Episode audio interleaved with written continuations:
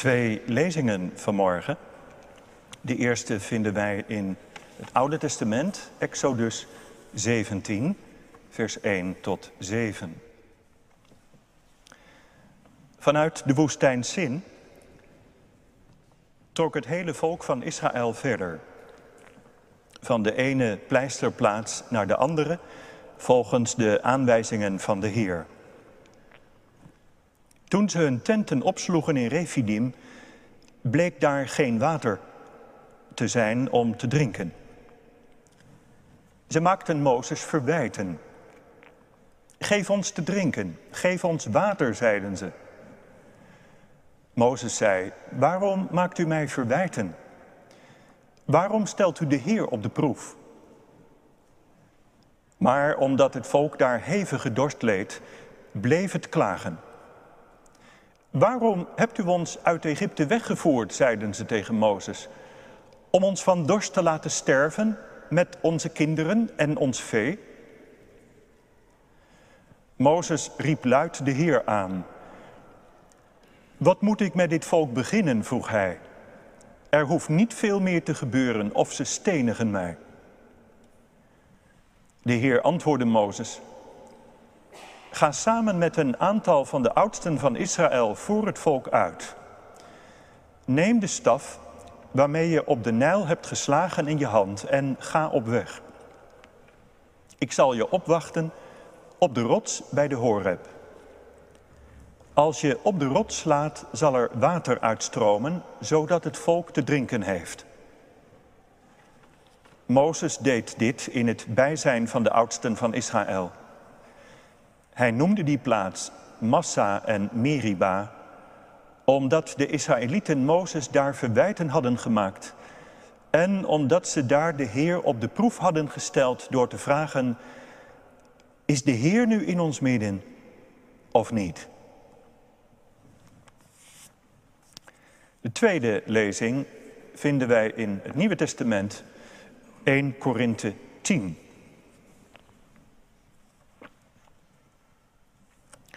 De eerste zes versen. Daar schrijft Paulus, broeders en zusters, ik wil graag dat u weet dat onze voorouders allemaal door de wolk werden beschermd en allemaal door de zee trokken.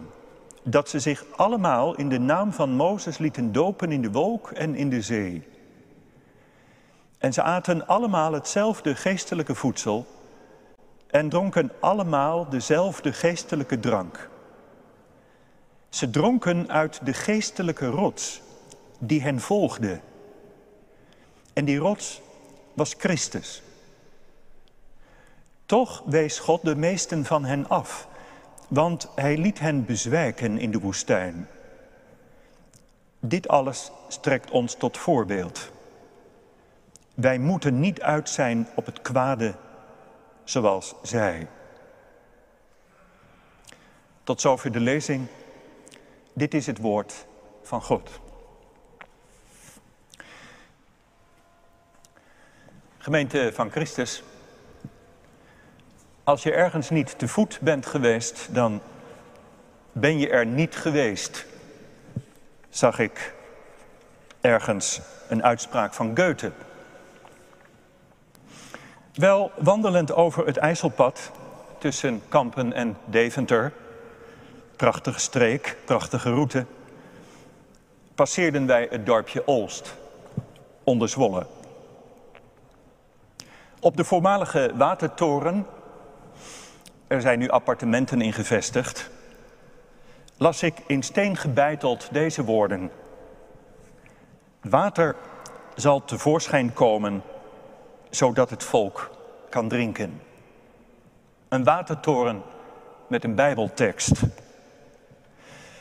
Welke bewoner van dit rustige dorp, mijmerde ik, en welke voorbij fietsende puber zal bij ex 17, dubbele punt 6. Denken aan dit verhaal uit Exodus. Thuis ontdekte ik dat die watertoren ook gebouwd is als klokkentoren van de voormalige Rooms-Katholieke Kerk daar vlakbij. een toren voor het water.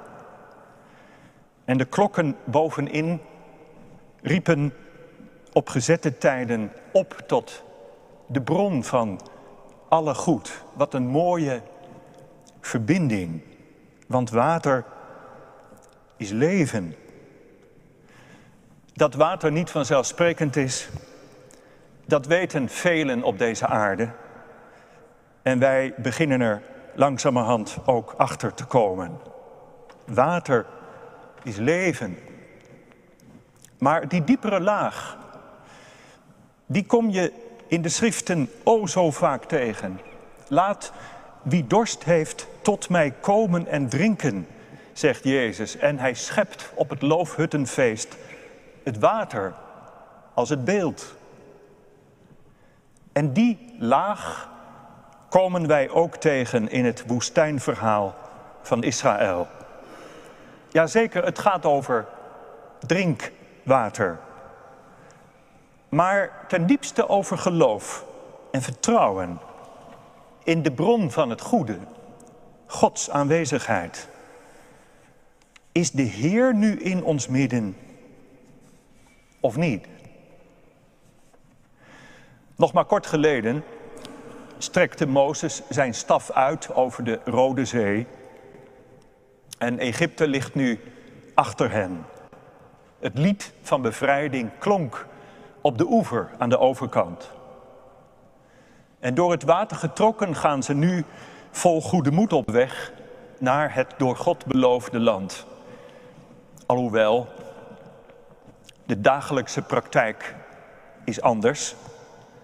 En wat geloof betreft staan de Israëlieten nog in de kinderschoenen. Leven in de woestijn is wel een leven bevrijd van het verleden. Alhoewel, hoe diep zit het nog? Het is in ieder geval een leven onderweg. Dat land daar ligt achter de horizon. En de hoop houdt hen gaande. Maar af en toe lijkt die toekomst een fata morgana. Een spiegeling in de lucht die je ziet en verdwijnt. Wat doet dat met je vertrouwen? Vertrouwen in het leiderschap van Mozes en op God. Nou, Mozes heeft zijn handen vol. Al eerder ging het mis bij Mara. Het water bleek daar bitter te zijn. En er ontstaat broodoproer wanneer God in zijn genade manna geeft. En nu bij Rafidim, waar Israël de tenten opgeslagen heeft, roept Mozes uit, Heer, wat moet ik met dit volk beginnen? Ze komen in opstand. Wij hebben dorst. Opstand. Het gaat dieper dan het geklaag van mensen die niet krijgen wat ze nodig hebben. Het is meer dan ongenoegen. Het woord is opstand. Maar goed, je zult maar geen water hebben. Je zult je eigen kind maar dorst zien lijden. Je zult een zieke maar geen verkoeling kunnen bieden. En je zult je dieren maar dood zien gaan. De karkassen liggen in het zand. Je zult de rivierbedding maar leeg zien. En je kunt je akker niet meer bevloeien. Je zult je gewas maar zien verdrogen op het land. En het graan zal maar zo duur worden dat je er geen brood meer van bakken kunt. Jemen, Somalië. En de prijzen zullen maar zo stijgen. En de energierekening zo hoog zijn. Dat je met je uitkering geen kant meer op kunt. We horen de verhalen. En misschien raakt het jezelf. Om radeloos van te worden, toch? Woedend word je ervan. Broodoproer. Nog even, zegt Mozes, en ze stenigen mij. Hij durft niet meer zonder bodyguard het kamp door. Maar niet alleen Mozes moet het ontgelden, maar achter hem, via hem, de God van Israël. Waarom maakt u mij verwijten, zegt Mozes. Maar ook, waarom stelt u de Heer op de proef? Dat is de diepste snaar die hij hier raakt. Waarom stelt u de Heer op de proef? In de woestijnverhalen van Israël lees je diverse keren dat het volk door God beproefd wordt. Wees niet bang, zegt Mozes ergens. God is gekomen om u op de proef te stellen en u met ontzag voor Hem te vervullen. Daarom doet Hij dat, zodat u niet meer zondigt. En je zou kunnen zeggen dat Hij daar 40 jaren voor nodig heeft gehad. Die hele lange omweg door de woestijn. Tot aan de grenzen van het beloofde land en dan ook nog weer terug. Dat is een periode van afleren geweest en aanleren. Egypte achter je laten is zo simpel nog niet. Je kunt vrij zijn en toch gebonden, meer dan ooit. De Heer onze God, de Heer is één. Hij vraagt heel je hart, al je vertrouwen. Leer dat maar eens. En die woestijntijd is ook een voorbereiding geweest op de periode die komen gaat in het land. Het land van de vaderen. God beproeft het volk. Hier beproeft het volk God. Hier test het volk God.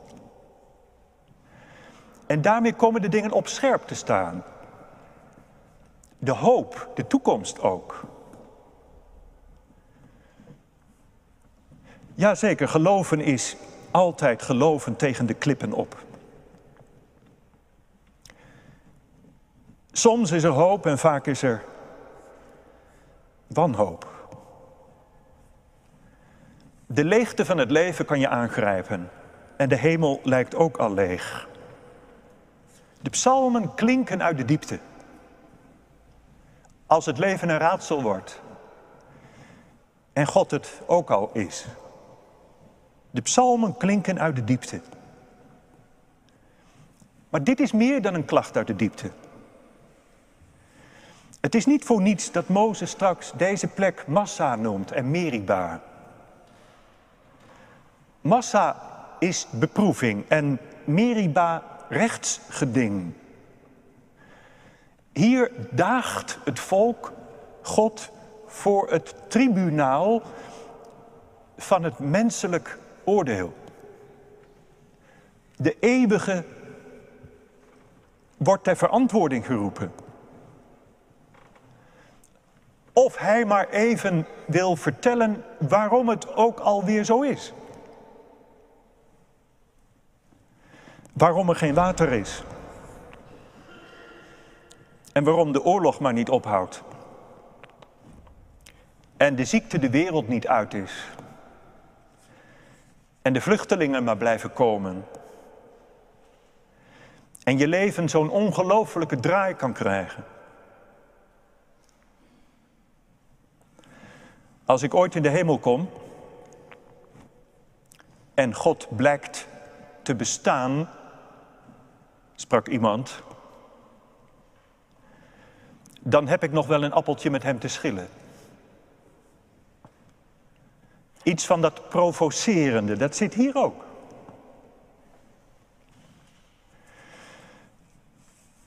Maar God is God. En later blijkt hoe diep deze gebeurtenis hem heeft geraakt. Wees niet koppig als bij Meriba, als die dag bij Massa in de woestijn toen jullie voorouders mij hebben getart. Al hadden ze mijn daden gezien. Dat zegt God. Hij is getart. Waar zit de pijn? Wat is het dat God hier zo diep raakt, waardoor hij het zo hoog opneemt? Dat zit hem in die, in die vraag. Is de Heer nu in ons midden? Of niet? Want daarmee raken ze, daarmee raken ze zijn naam. Daarmee raken ze wie hij is. Ten diepste is. Zoals hij zich aan Mozes bekend heeft gemaakt. In die braambos die bleef branden. Mozes, ik ben die ik ben. Wil je dat doorgeven aan de farao? En vertel het aan mijn volk. Ik sta voor ze in. Ik ga met ze mee. Ik ben erbij. Altijd. En precies daar wordt nu een vraag achter gezet. Een vraagteken. Die naam, die naam, ach. Is het, is het eigenlijk geen lachertje? Het klinkt cynisch. Het zal wel, die God met die mooie naam. Maar wat heb je eraan? We hebben dorst. Hier blijkt dat ze Egypte nog niet achter zich hebben gelaten. Een afgod is er, en er waren er zoveel. Een afgod is er om jou van dienst te zijn. Die kun je vragen, die kun je ook eisen, die kun je zelfs manipuleren als het moet. Een God die zich laat zien als jij dat wenst. Een God die op afroep beschikbaar is. Een God die zich voegt naar mijn verlangens. Als hij het doet, prijs ik hem de hemel in. Als hij het niet doet, dan keer ik het beeld letterlijk om met zijn gezicht naar de muur. Maar God is God. Hij gaat zijn ongekende gang. Hij laat zich niet voorschrijven. Hij laat zich niet narekenen. De heilige in ons midden. Toch. Ik voel aan hoe gespannen dit moment geweest is in Gods verbond met Israël. Het kan een breekpunt zijn, deze provocatie. In het Nieuwe Testament wordt deze woestijntijd aangehaald om te onderstrepen dat je God in je ongeloof verschrikkelijk voor de voeten kunt lopen. Kijk naar Massa en Meriba. Doof de geest niet uit, want je raakt de weg kwijt. Mozes moet zijn staf nemen en ermee op de rot slaan. Genadig kijkt God naar dit volk om. Neem die staf, zegt God, waarmee je op de Nijl geslagen hebt. Dat zinnetje valt me op.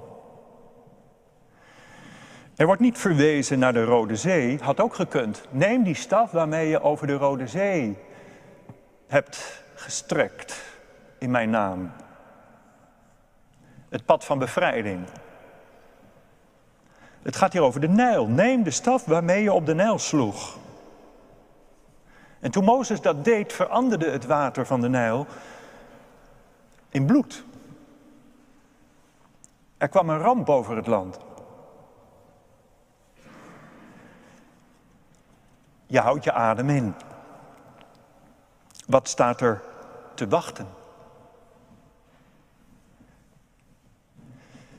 Ik zal je opwachten op de rots bij de Horeb, Mozes. En als je op de rots slaat, zal het water stromen. De Heer is de Heilige in ons midden. Toch. En in een dwaze gehoorzaamheid, wat in de Bijbel geloof wordt genoemd, gaat Mozes, heft zijn staf. De oudsten zijn getuigen.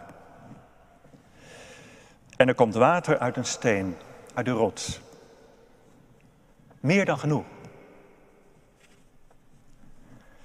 Het valt me op dat daar niet eens het accent op valt. Je leest daar eigenlijk niet van wat er dan gebeurt. Maar wel dit, dat die rots te vinden is bij de Horeb. Niet veel later staat het volk hier opnieuw bij de Horeb. Maakt God zich bekend in donder en vuur.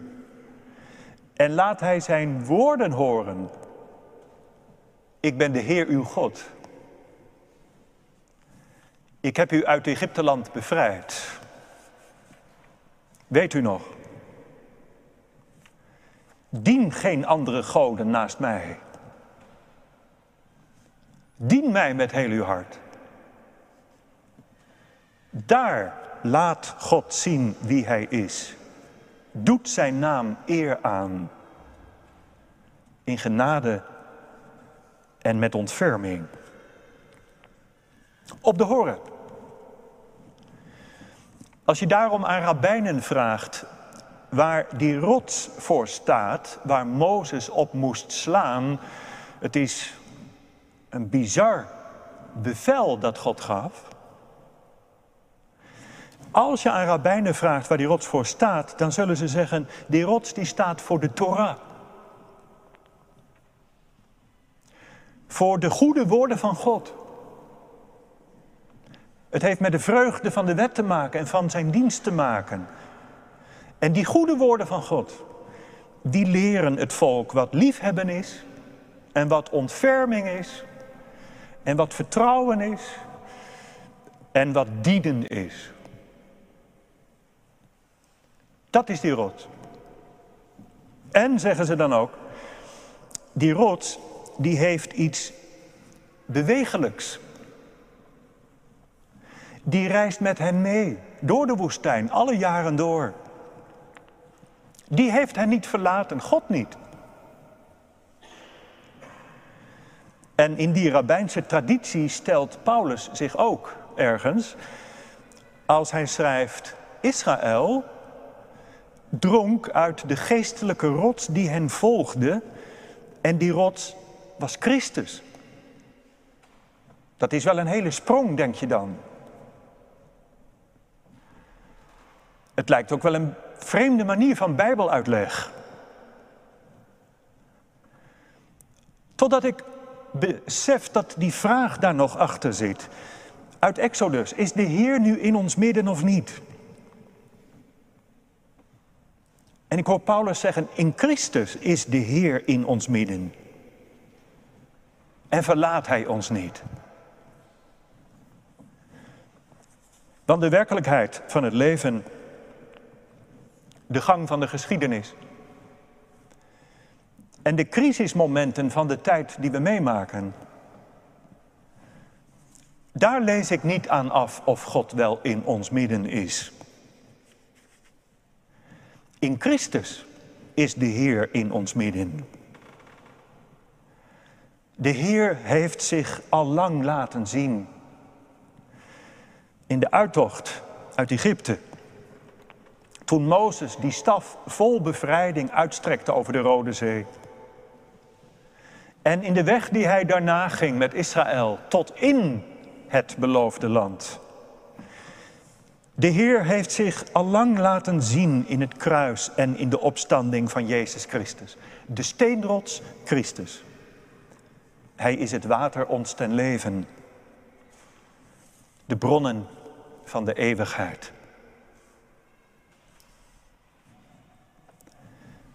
Terug naar het begin. Water zal tevoorschijn komen, zodat het volk zal drinken. Ik denk aan wat Jezus zegt, wie van het water drinkt dat ik geef, het zal een bron worden waaruit water stroomt van eeuwig leven. Water om te drinken, water van leven. Vruchtbaar, dienstbaar, met liefdevol oog en open oor. En daarvan zag ik even later op datzelfde pad daar achter de IJssel een voorbeeld. Een jaar of wat geleden beschreef Stevo Akkerman dat. In Dagblad Trouw, columnist, die dat pad ook liep en een verslag van deed. En hij vertelt dat hij daar in de buurt, vlakbij, ineens het bordje Joodse begraafplaats zag staan. Joodse begraafplaats, hier. Als je gaat kijken in een verloren hoek, dan blijkt het om één steen te gaan.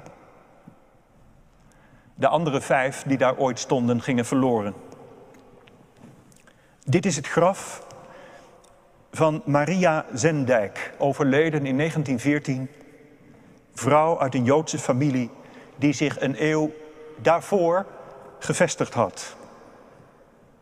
Haar nageslacht is grotendeels omgekomen in Auschwitz en Sobibor. Er schuilt een drama achter die steen. Na de oorlog raakte de plek verwaarloosd. Maar begin deze eeuw namen buurtbewoners het initiatief om er weer een verzorgde plek van te maken, een plek van herinnering. Een klein gebaar grootse betekenis. En ik bedenk me vanaf de vroege kerk, is het een werk van christelijke barmhartigheid geweest om liefdevolle zorg te geven aan overledenen, wie het ook zijn. Want ieder mens is een schepsel van God. Liefdevol oog, en open oor. Op die steen van Maria Zendijk, lid van het oude volk van God, staat een afkorting die het volgende betekent. Mogen haar ziel gebonden zijn in de bundel van de levenden. Het ontroerde me toen ik het las. Amen.